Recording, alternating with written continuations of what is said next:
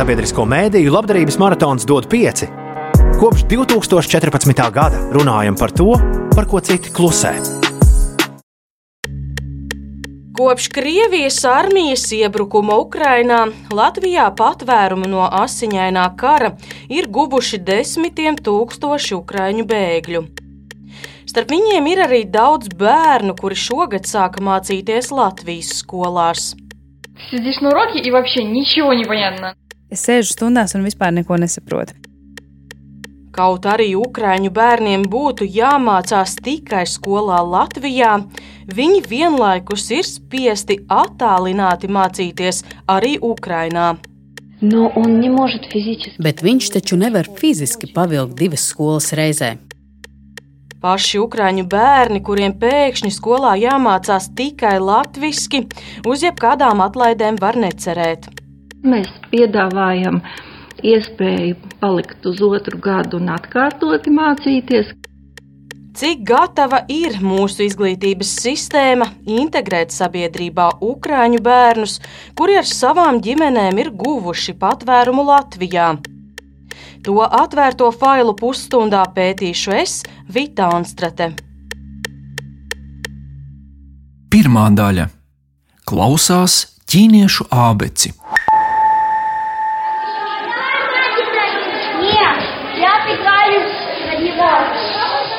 Pēc vasaras brīvlaika Latvijas skolās septembrī sākās jaunais mācību gads. Rosība atsākās arī bērnu dārzos.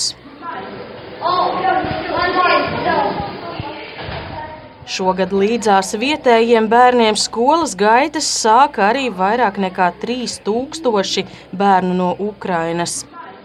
Viņi ar savām ģimenēm guva patvērumu Latvijā pēc tam, kad Krievija februārī sāka brutālu un asiņainu karu Ukrainā. Mēnesi pēc kara sākuma Latvijas masu medijos izskanēja ziņas par to, ka ukrāņu bērnus mūsu sabiedrībā integrēs ar izglītības sistēmas palīdzību. Bērni no Ukrainas izglītības iestādēm var mācīties kādā no skolu mazākumtautību programmām Ukrāņu valodā vai arī latviešu valodā. Mēs tik cenšamies izskatīties labi prezidenta kungs. Martā es par šo tēmu uzdevu jautājumus valsts prezidentam Egilam Levitam, kurš toreiz apmeklēja Rīgas Ukrāņu vidusskolu. Cik gatava ir Latvijas izglītības sistēma? Mūsu izglītības sistēma ir spējīga pielāgoties jaunai situācijai. Ukrāņu bērni ir jāintegrē latviešu skolās, ja viņiem jāmācās latviešu valoda, ir, lai šeit viņi varētu pilnvērtīgi apgūt visu to, ko arī mūsu bērni apgūst. Un mūsu izglītības sistēma ir to spējīga. Tātad valsts prezidents pavasarī uzskatīja, ka izglītības sistēma ir gatava integrēt ukrāņu bērnus mūsu sabiedrībā. Bet kādu pieredzi vairāk nekā pusgadu vēlāk ir guvuši paši ukrāņu bērni? Pavēlā darba dienas vakarā, oktobrī, esmu atbraukusi uz Jēlgavu. Uh, labvakar, esmu šeit. Kādā no namiem īrē dzīvokli ģimene no Harkivas, pilsētas, kas atrodas Ukrainas ziemeļaustrumos. Какой вас подъезд? Kura jums kāpņu telpa? Ah, paldies, labi, paldies. Es piezvanu vīrietim vārdā Mikola un drīz vien satieku viņu dzīvojamās ēkas ārpusē. Нам на самый верх, на самый-самый верх. Mums jākāp uz pašu augšu, uz pašu augšu. Jūs neizbīstieties, mums ir mazs sunītis. Ar Mikolu kāpjam uz nama pēdējo piekto stāvu. Tas esmu es, esmu es. Jā, jā, jā. Labvakar! Sunītis! Mikola ar savu ģimeni, kā arī vēl citiem ukrāņiem uz dzīvokli Jelgavā, pārcēlās vasarā. Вита, да? может? Словарь это открыто. Ви- Вита? Вита? Я. Все. Вита, Марина. Vita, tā ir Marina, mana sieva. Šī ir meitiņa Vlada. Viss, ģērbieties nost! 13 gadus vecā meita Vladislava jeb Vlada pat labi iet kādā Jelgavas skolā, kur mācās 8. klasē latviešu valodā. Зелененькие. Iepriekš viņi dzīvoja Kaunatā, kas atrodas Latgales pusē. Tur pavasarī Vlada pabeidza 7. klasi vietējā mazākumtautības skolā. Nu, Man patika tā skola. Droši vien tāpēc, ka tur visi skolotāji ļoti labi saprata krievu valodu un visā klasē bija krievulodīgie. Klasa bija ļoti maza, droši vien arī tāpēc. Pavasarī bērni no Ukrainas vēl drīkstēja mācīties krievu valodā. Bet vēlāk politiķi nolēma, ka no 1. septembra Ukrāņiem, sākot no bērnu dārzniekiem līdz pat vidusskolēniem, jāmācās tikai latviešu valodā. Intervijas laikā Vlada jau visu septembri ir mācījusies Jālgavas skolā. э, да, вот сидишь на уроке и вообще ничего не понятно. Ну, Es sēžu stundās un vispār neko nesaprotu. Ir tikai aptuveni nojausma, par ko ir runa. Tā viņa atbild uz manu jautājumu, kā viņai sokas ar mācībām latviešu. ну, например, если на биологии, то там что-то рассказывают про строение Piemēram, bioloģijā stāsta kaut ko par organismu uzbūvi. Vēl man ir mācību grāmata, kurā ir attēli, un ir arī daži vārdi, kas nedaudz atgādina ukrāņu, krievu vai pat angļu valodu. Un vairāk vai mazāk ir skaidrs, par ko ir runa. Vlada stāsta, ka valodas barjeras dēļ viņai ir sajūta, ka neiedaras skolā. Strādāt patstāvīgi ir grūti. Arī reizēs, kad ar klases biedriem jāstrādā grupās, tad moka pašpārmetumi. И мне подходили и говорили, типа, ты делаешь вот это вот задание сегодня на уроке. И Man pienāca klāts skolotāja un teica, šajā stundā tu izpildi šo uzdevumu. Reizēm bija darba pārī vai grupās, bet es jutos tā, ka neko nevar palīdzēt, ja praktiski nezināju latviešu valodu. Arī Vladas māma Marina pārdzīvo par meitu un grūtībām, ar kurām viņai nākas sastapties skolā. Потому что мы понимали, что нам идти в школу, а знания языка нет. И поэтому... Mēs sapratām, ka septembrī jāiet uz skolu, bet latviešu valodas zināšanu nav. Kad mēs atnācām uz skolu, visi bija ļoti pretīnākoši. Direktori bija gatavi palīdzēt. Marina stāsta, ka mācību programma skolā Ukrāņu bērniem nav sagatavota. Она сидит, знаний не получает вообще ничего. Viņi tur tikai sēž un nekādas zināšanas neiegūst vispār. Sākumā domājām, ka neizdarīsim secinājumus pēc pirmajām dienām. Trīs, četras nedēļas viņa gāja uz to skolu, un mēs sapratām, ka viņa tur sēž un klausās ķīniešu abici. Lai ukrāņu bērni varētu mācīties latviešu valodā, Izglītības un zinātnes ministrija pašvaldībām piešķīra naudu, lai skolas varētu viņiem izveidot individuālu mācību plānu. Turpina Marina. Domāju, nu, Mēs domājām, ka viņa varēs reizē iet uz skolu un paralēli mācīties latviešu valodu, bet nē, ne, nesanāca. Viņa stāsta, ka latviešu valodu viņas meita var apgūt pēc mācību stundām, kad viņa jau ir nogurusi. Turklāt papildus tam vēl jāpilda mājas darbi un ir arī ārpus skolas aktivitātes. Tādēļ Marina meitai par samaksu nolīga privātskolotāju. Nolēmām, ka viņa ies uz latviešu valodas privātstundām, paralēli attālināti mācīsies skolā Ukrainā. Marīnas un Mikolas meita Vlada nav vienīgā ukraiņu skolniece Latvijā, kura mācās divās skolās vienlaikus. Otrā daļa - kā zivtiņas akvārijā.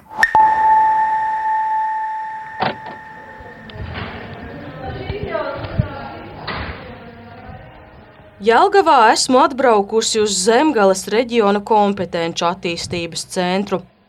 Tā ir pašvaldības iestāde, kur pieaugušie ukrāņi mācās latviešu valodu. Šoreiz mācību stundas temats ir sports. Boks! Sporta veids, Starp grupas biedriem ir apmēram 30 gadus veca sieviete, kuru sauc Irina. Arī viņas dēls sākotnēji mācījās tālmācībā Ukrainā un vienlaikus 6. klasē kādā Jēlgavas skolā. Viņš bija ļoti ieinteresēts, bet skolotāja bija bezspēcīga, viņam bija grūti. Papildus mācībām zēns vēl pāris reizes nedēļā brauca uz sporta treniņiem. Mēs, piemēram, braucām vilcienā uz Rīgu un pildījām mājas darbu matemātikā. Irīna stāsta, ka tas bērnam radīja milzīgu pārslodzi, un oktobrī viņa dēlu izņēma no skolas Jālgavā. Viņš pat sāka raudāt, kad es viņam teicu, ka viņš vairs nemācīsies tajā skolā, bet viņš taču nevar fiziski pavilkt divas skolas reizē. Tas ir ļoti grūti, un beigās sanāks, ka viņš īsti neiemācīsies neko ne šeit, ne tur. Pat labam puika mācās tikai attālināti Ukrainā. Irina stāsta, ka savu dēlu izņēma no skolas ne tikai valodas barjeras dēļ, bet arī tādēļ, ka ģimene plāno pēc kāda laika atgriezties kara plosītajā dzimtenē. Bet kā sokas tiem ukrāņu bērniem, kuru ģimenes ir nolēmušas palikt Latvijā? Mēs vēl neesam ieslēguši, mums ir gāzes apkūra. Savā mājoklī turpat Jēlgavā mani sagaida Aleksandrs un viņa sieva Veronika. Intervijas brīdī dzīvoklī vēl nav pieslēgta apkūra, un viņiem mugurā ir vairākas drēbju kārtas. Aleksandrs un Veronika ieradās Latvijā no Dņipropetrovskas. Viņu meita Rīma vietējā skolā mācās 7. klasē. Но вы параллельно тоже учитесь на украинской школе? как- Vai viņa arī paralēli mācās skolā Ukrainā? Нет, дело в том, что мы... Nē, lieta tāda, ka mēs vēlētos šeit palikt. Tāpēc nolēmām, ka meita mācīsies tikai šeit. Ukraiņas skolā viņa vairs nemācās. Kaut arī Rīma neprot latviešu valodu, viņa ļoti cenšas iemācīties. Arī skolotāji ir saprotoši un palīdz meitai. Nu, Pagaidām viņai vēl palīdz, visu pārtulko. Nu, Uz krievu valodu? Jā, tā pagaidām ir vienīgā saziņas valoda starp skolēniem un pedagogiem. Viņš apzinās, ka tas ir pretrunā iecerēji ar valodas prasmi integrēt viņus sabiedrībā. Bet visticamāk, ka cilvēcīgu iemeslu dēļ skolā uz to pievēr acis. Cik es zinu, pārtulkot uz krievu valodu skolēniem ir aizliegts, bet. Vienalga to dara, vienalga kaut kā jāpalīdz, lai viņi nepeldētu kā zivtiņas mums šeit, akvārijā, bet vismaz kaut ko saprastu. Aleksandrs stāsta, ka ģimene jūlijā meitu gribēja pieteikt īpašai vasaras nometnē, kurā ukrāņu bērni var mācīties latviešu valodu, iepazīt Latvijas vēsturi, mākslu un kultūru. На тот момент нам сказали, что по лагерю пока нет информации. Tobrīd mums teica, ka par nometni vēl neko nevarot pateikt. Kad bērns reāli atbrauca, mēs atkal vērsāmies pie skolas, bet mums atbildēja, ka nometnē vairs nav brīvu vietu, un mēs netikām. Uz tādu nometni netika arī Vlada, jo viņas māma Marina par to neko nezināja. Nebija. Mēs interesējāmies sociālajā dienestā, bet priekš bērniem nekā nebija. Tikai priekš ukrāņiem, kas sasnieguši pilngadību. Skolēniem nekādu programmu tieši vasarā, lai piestrādātu pie latviešu valodas apguves, nebija. Mēs prasījām kursos, kurus paši apmeklējām, vaicājām sociālajā dienestā, kur bērni varētu uzlabot latviešu valodas zināšanu līmeni. Э, Повысить уровень латышского языка, ну, выучить его. Trešā daļa. Re, kā jūs pamanījāt?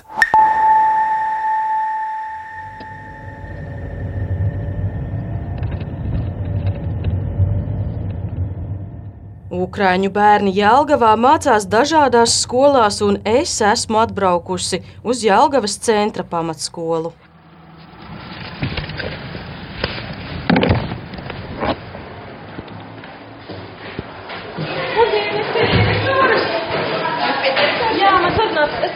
Skola atrodas arī pašā pilsētas centrā, un, kad es tajā ieeju, uzreiz izdzirdu ukrāņu valodu.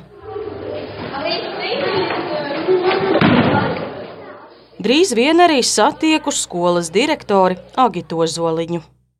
Skolā mums ir 853 bērni šobrīd, un no tiem mums ir 41 ukrāņu bērns.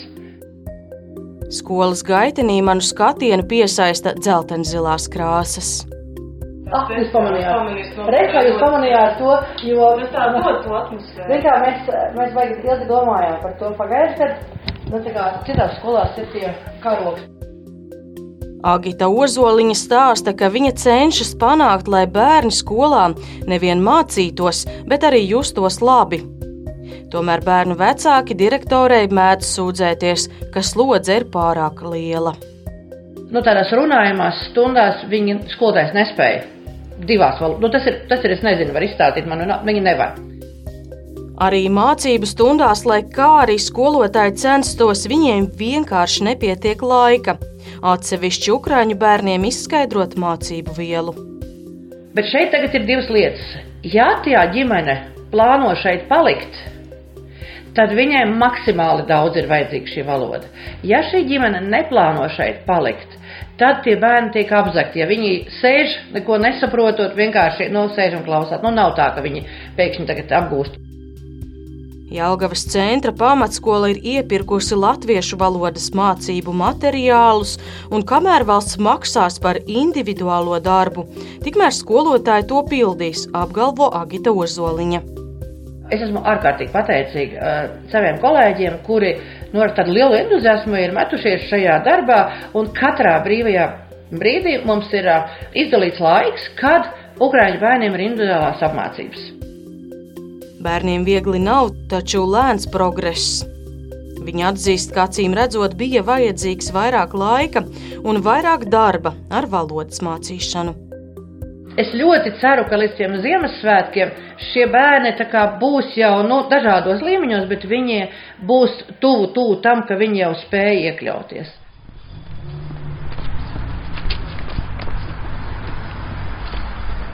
Mans secinājums ir, ka ukrāņu bērni nevar pilnvērtīgi apgūt mācību vielu mūsu skolās, un arī pašiem skolotājiem valodas dēļ ir grūtības viņus apmācīt.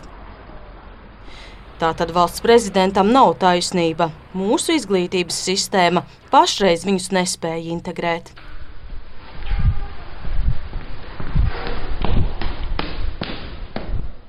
Tāpat arī nometnes, kurām būtu jāpalīdz šiem bērniem ātrāk iekļauties mūsu sabiedrībā, ne visiem ir pieejamas. Kādēļ ir šāda situācija?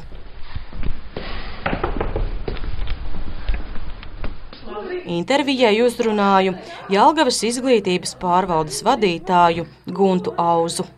Skaidrs, ka mums latviešu valoda lielākajai daļai skolēnu ir tikai pašās, pašās sākuma posmā, un, un tad vēl, kad atnāk mājās, ir jāpaveic kāda zināma mājas uzdevuma, Un tad ir otra skola, kur ir attālināta. Un vecāki tiešām skaidroja, ka bērnam fiziski un emocionāli trūks spēka.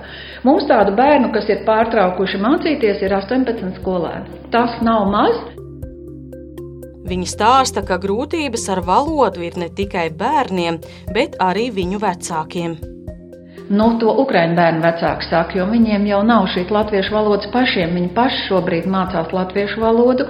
Katrs ir savā tajā valodas apgūst posmā. Ja runā par vasaras nometnēm Jelgavā, tad uz tām kopumā devās apmēram 70 bērnu no Ukrainas. Ja salīdzina ar citām pašvaldībām, tad nometnēs Jelgavā bērnus no Ukrainas uzņēma krietni vairāk nekā citviet. Tomēr tik un tā daļai no viņiem atteica dalību. Tas laiks, cik ilgi šī nometne notika, ir par maz. Skaidrs, ka viņam bija jābūt, es teiktu, mēnesis un varbūt pat vēl vairāk. Mēs šeit iekļāvām nedēļu un reizēm divas nedēļas, un tas ir par maz šis laiks. Viņas prāt par valsts naudu rīkotās nometnes varēja būt liederīgāk izmantotas. Zināmā mērā šis pavasars un šī vasara varbūt ir kaut kur iekavēts laiks. Mums noteikti vajadzēja intensīvāk sniegt atbalstu, mācīt latviešu valodu, zinot, ka mēs rudenī pāriesim uz šo latviešu valodu. Mani interesē, kāda bija situācija ar šādām vasaras nometnēm Daugaupilī, kur jau vēsturiski dominē krievu valoda un kā tur klājas ukrāņu bērniem ar mācībām latviešu valodā. Un ļoti liela daļa vecāku arī prasīja iespēju e, mācīties e, mazāktautību klasēs, ko šobrīd aizliedz likums. Ilmārs Zučiks ir Daugaupils valsts pilsētas vidusskolas direktors. Līdz oktobra vidum dokumentus no viņa skolas izņēma septiņi ukrāņu skolēni. Jā, e, daļa bērnu ir aizgājuši uz online skolu šī iemesla pēc, ka vecāki saka, ka bērns jūtas slikti klasē, neskatoties visiem atbalsta pasākumiem. Un es tur neko nevaru pateikt. Tad droši vien tā, tā tas varētu. Ja mēs e, nerunājam krieviski stundās, un tā tā skaidrs, ka šis šādi būs, un ne visi bērni var pārvarēt, arī pieaugušie to visi nevar pārvarēt. Zučiks stāsta, ka iespēja robežās bērnus no atsevišķām stundām izņem ārā, tad apvieno grupās un katram māca ar individuālu pieeju, piemēram, sociālās zinības. Bet jāsaka, lielākajai daļai nu, šie latviešu valodas zināšanas ir 5-10 vārdu šajā līmenī. Arī Daugaupilī Ukrāņu bērniem, lai mācītos latviešu valodu, vasaras laikā bija iespēja piedalīties vasaras nometnēs. Tomēr pašvaldība šo instrumentu neizmantoja pilnā apmērā. Stāsta Daugaupils pilsētas izglītības pārvaldes darbiniece Ilze Onzule uz to teiksim, summu, kas bija iedalīta Daugopilī, bija 30 ukraiņu bērni un 30 latviešu bērnu. No visiem gandrīz 300 skolas vecuma bērniem Daugaupīlī vasaras nometnēs piedalījās tikai neliela saujiņa ar bērniem no Ukrainas. Bet cik es zinu, tad attiecīgi vienā nometnē viņi bija paņēmuši par vienu latviešu bērnu mazāk un par vienu ukraiņu bērnu vairāk. Bet interese bija, protams, ļoti liela ukraiņu bērniem un arī latviešu bērniem. Nācās pat atteikt. Jā, nācās atteikt prioritāte bija tiem bērniem, kas mācās vai plāno mācīties mūsu skolās. Lai pašvaldības varētu sarīkot nometnes izglītības un zinātnes ministrija, kopumā tām šogad pārskaitīja vairāk nekā 300 tūkstoši eiro. Gandrīz trešā daļa no summas tā arī palika neiztērēta, un pašvaldības to atskaitīja atpakaļ valsts budžetām. Kopumā no apmēram 3000 ukrāņu skolēnu latviešu valodu vasaras laikā apguva tikai katrs ceturtais. Es lūdzu to skaidrot Izglītības un zinātnes ministrijas vecākajai ekspertei Olitai Arklei. Vairākas pašvaldības no tā atteicās. Rīga nevarēja tīri fiziski izlietot eh, piešķirto finansējumu, tāpēc, ka apjoms bija ļoti liels. Pirmais aspekts, ka kursu sagatavošanas laiks bija ļoti, ļoti īss, tad vienkārši nespēja šo menedžēt un, un eh, šos kursus kā norganizēt pilnīgi visiem simt procenti. Viņa stāsta, ka ministrijas amatpersonas sākotnēji kļūdījās ar to, ka neviens saulēcīgi nepadomāja par vasaru un to, ka bērni šeit paliks uz ilgu laiku. Kaut arī ukrāņu bērniem mācīties latviešu ir grūti, atkāpes no skolu mācību programmas nevar izdarīt.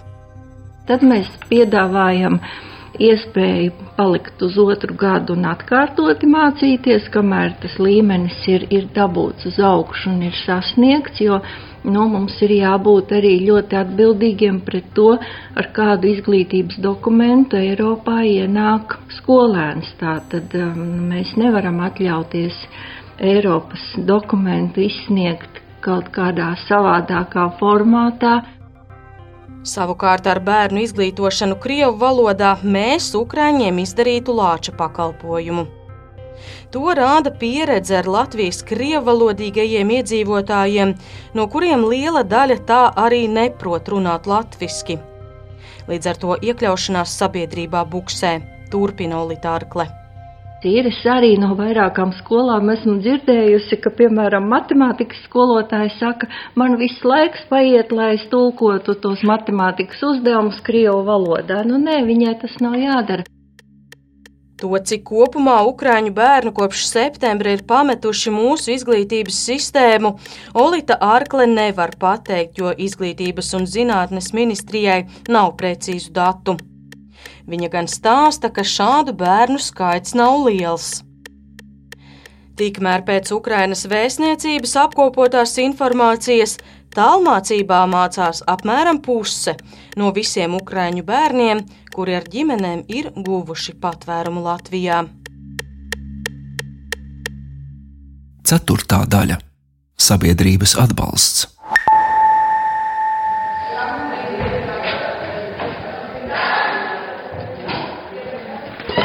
ir.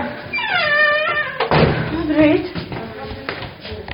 Rīgas atbalsta centrā Ukrainas iedzīvotājiem, kas atrodas vecrīgā valda kņada. Kad ierodos, tad centrs no rīta vēl ir patukšs, tomēr pirmie kara bēgļi jau atnākuši lūgt palīdzību. Tur satieku Lindu Jākapsoni Gavalu. Viņa ir no biedrības gribu palīdzēt bēgļiem un ikdienā ir iesaistīta arī jautājumos, kas skar bērnu izglītību. Es viņai vaicāju, ko viņa domā par izglītības sistēmas spēju mūsu sabiedrībā integrēt bērnus un jauniešus. Iespējams, būtu bijis jādomā citādāk, ka vispirms būtu bijis jānodrošina latviešu valoda un tad jāiet tajās. Bet tas arī ir atkarīgs no nu, mūsu skatījumā, un tas, ko mēs arī redzam, ir atkarīgs no vecuma grupas. Nu, mazajiem, tiem, kas, nu, piemēram, mums kolēģiem pirmajā klasē šobrīd ir bērns, nu, tur nav izaicinājumu. Viņa stāsta, ka lielākās grūtības ir vecāko klašu audzēkņiem. Protams, mēs iedomājamies, ka mums jāiet vidusskolā valodā, kurā mēs neko nesaprotam. Protams, tur ir izaicinājumi. Līdz ar to ir, ir jādomā, kā realizēt dzīvē vairāk tos rīkus, ko ministrija ir izstrādājusi. Iespējams, ka kaut kas ministrijai arī ir jāmaina. Bet, jebkurā gadījumā, mūsuprāt, ir jāizdara viss iespējamais, lai tie bērni varētu šeit integrēties.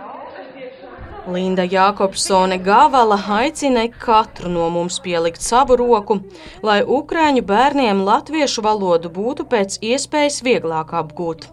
Ir arī iespējams sabiedrības atbalsts. Un tā kā neviens taču neliedz e, mūsu, piemēram, pensionātiem skolotājiem vai studentiem iesaistīties, uzrunāt savu skolu, bijušo savu skolu, piemēram, vai uzrunāt savu pašvaldību un piedāvāt savu palīdzību un ar to bērnu. Nu, protams, un tiem vecākiem jau arī lielai daļai ir jāstrādā. Nu, nav viņiem arī laika, bet nav arī zināšana, pie labākās gribas viņi nevar palīdzēt ar latviešu valodu. Atpakaļ dzīvoklī Jelgavā Mikola cenšas sarunāties ar savu meitu Vladu latviski. Uh, mani sauc Vlada. Un tev ir cik gadi? Uh, Bože, ja не помню, как 13. Ak, Dievs, es neatceros, kā ir 13. 30. 13. 13. 30. Это тебе уже 40. Jā, 30. Tev pašam jau 40. Nu, nu tu сейчас расскажи прям все про меня. O, tu tagad izstāstīsi visu par mani. Šobrīd Vlada mācās divās skolās vienlaikus, gan klātienē Jelgavā, gan arī tālmācībā Harkivā. Ar privātu skolotājas palīdzību viņa jau sāk kaut ko saprast latviešu valodā, bet pagaidām pati vēl maz runā. Es Vladai vaicāju, vai viņa kādā brīdī pieļauj domu, ka varētu atteikties no tālmācības Ukrajinā un mācīties tikai Jālgavas skolā tepat Latvijā. Es nezinu, vai es tur vēlos pavisam atgriezties, bet es arī nesaku, ka nekad neatgriezīšos. Man ir sajūta, it kā es būtu atbraukusi uz citu valsti apmaiņas programmā.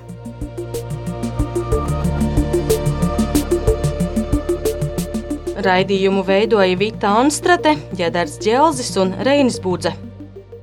Atvērtie faili!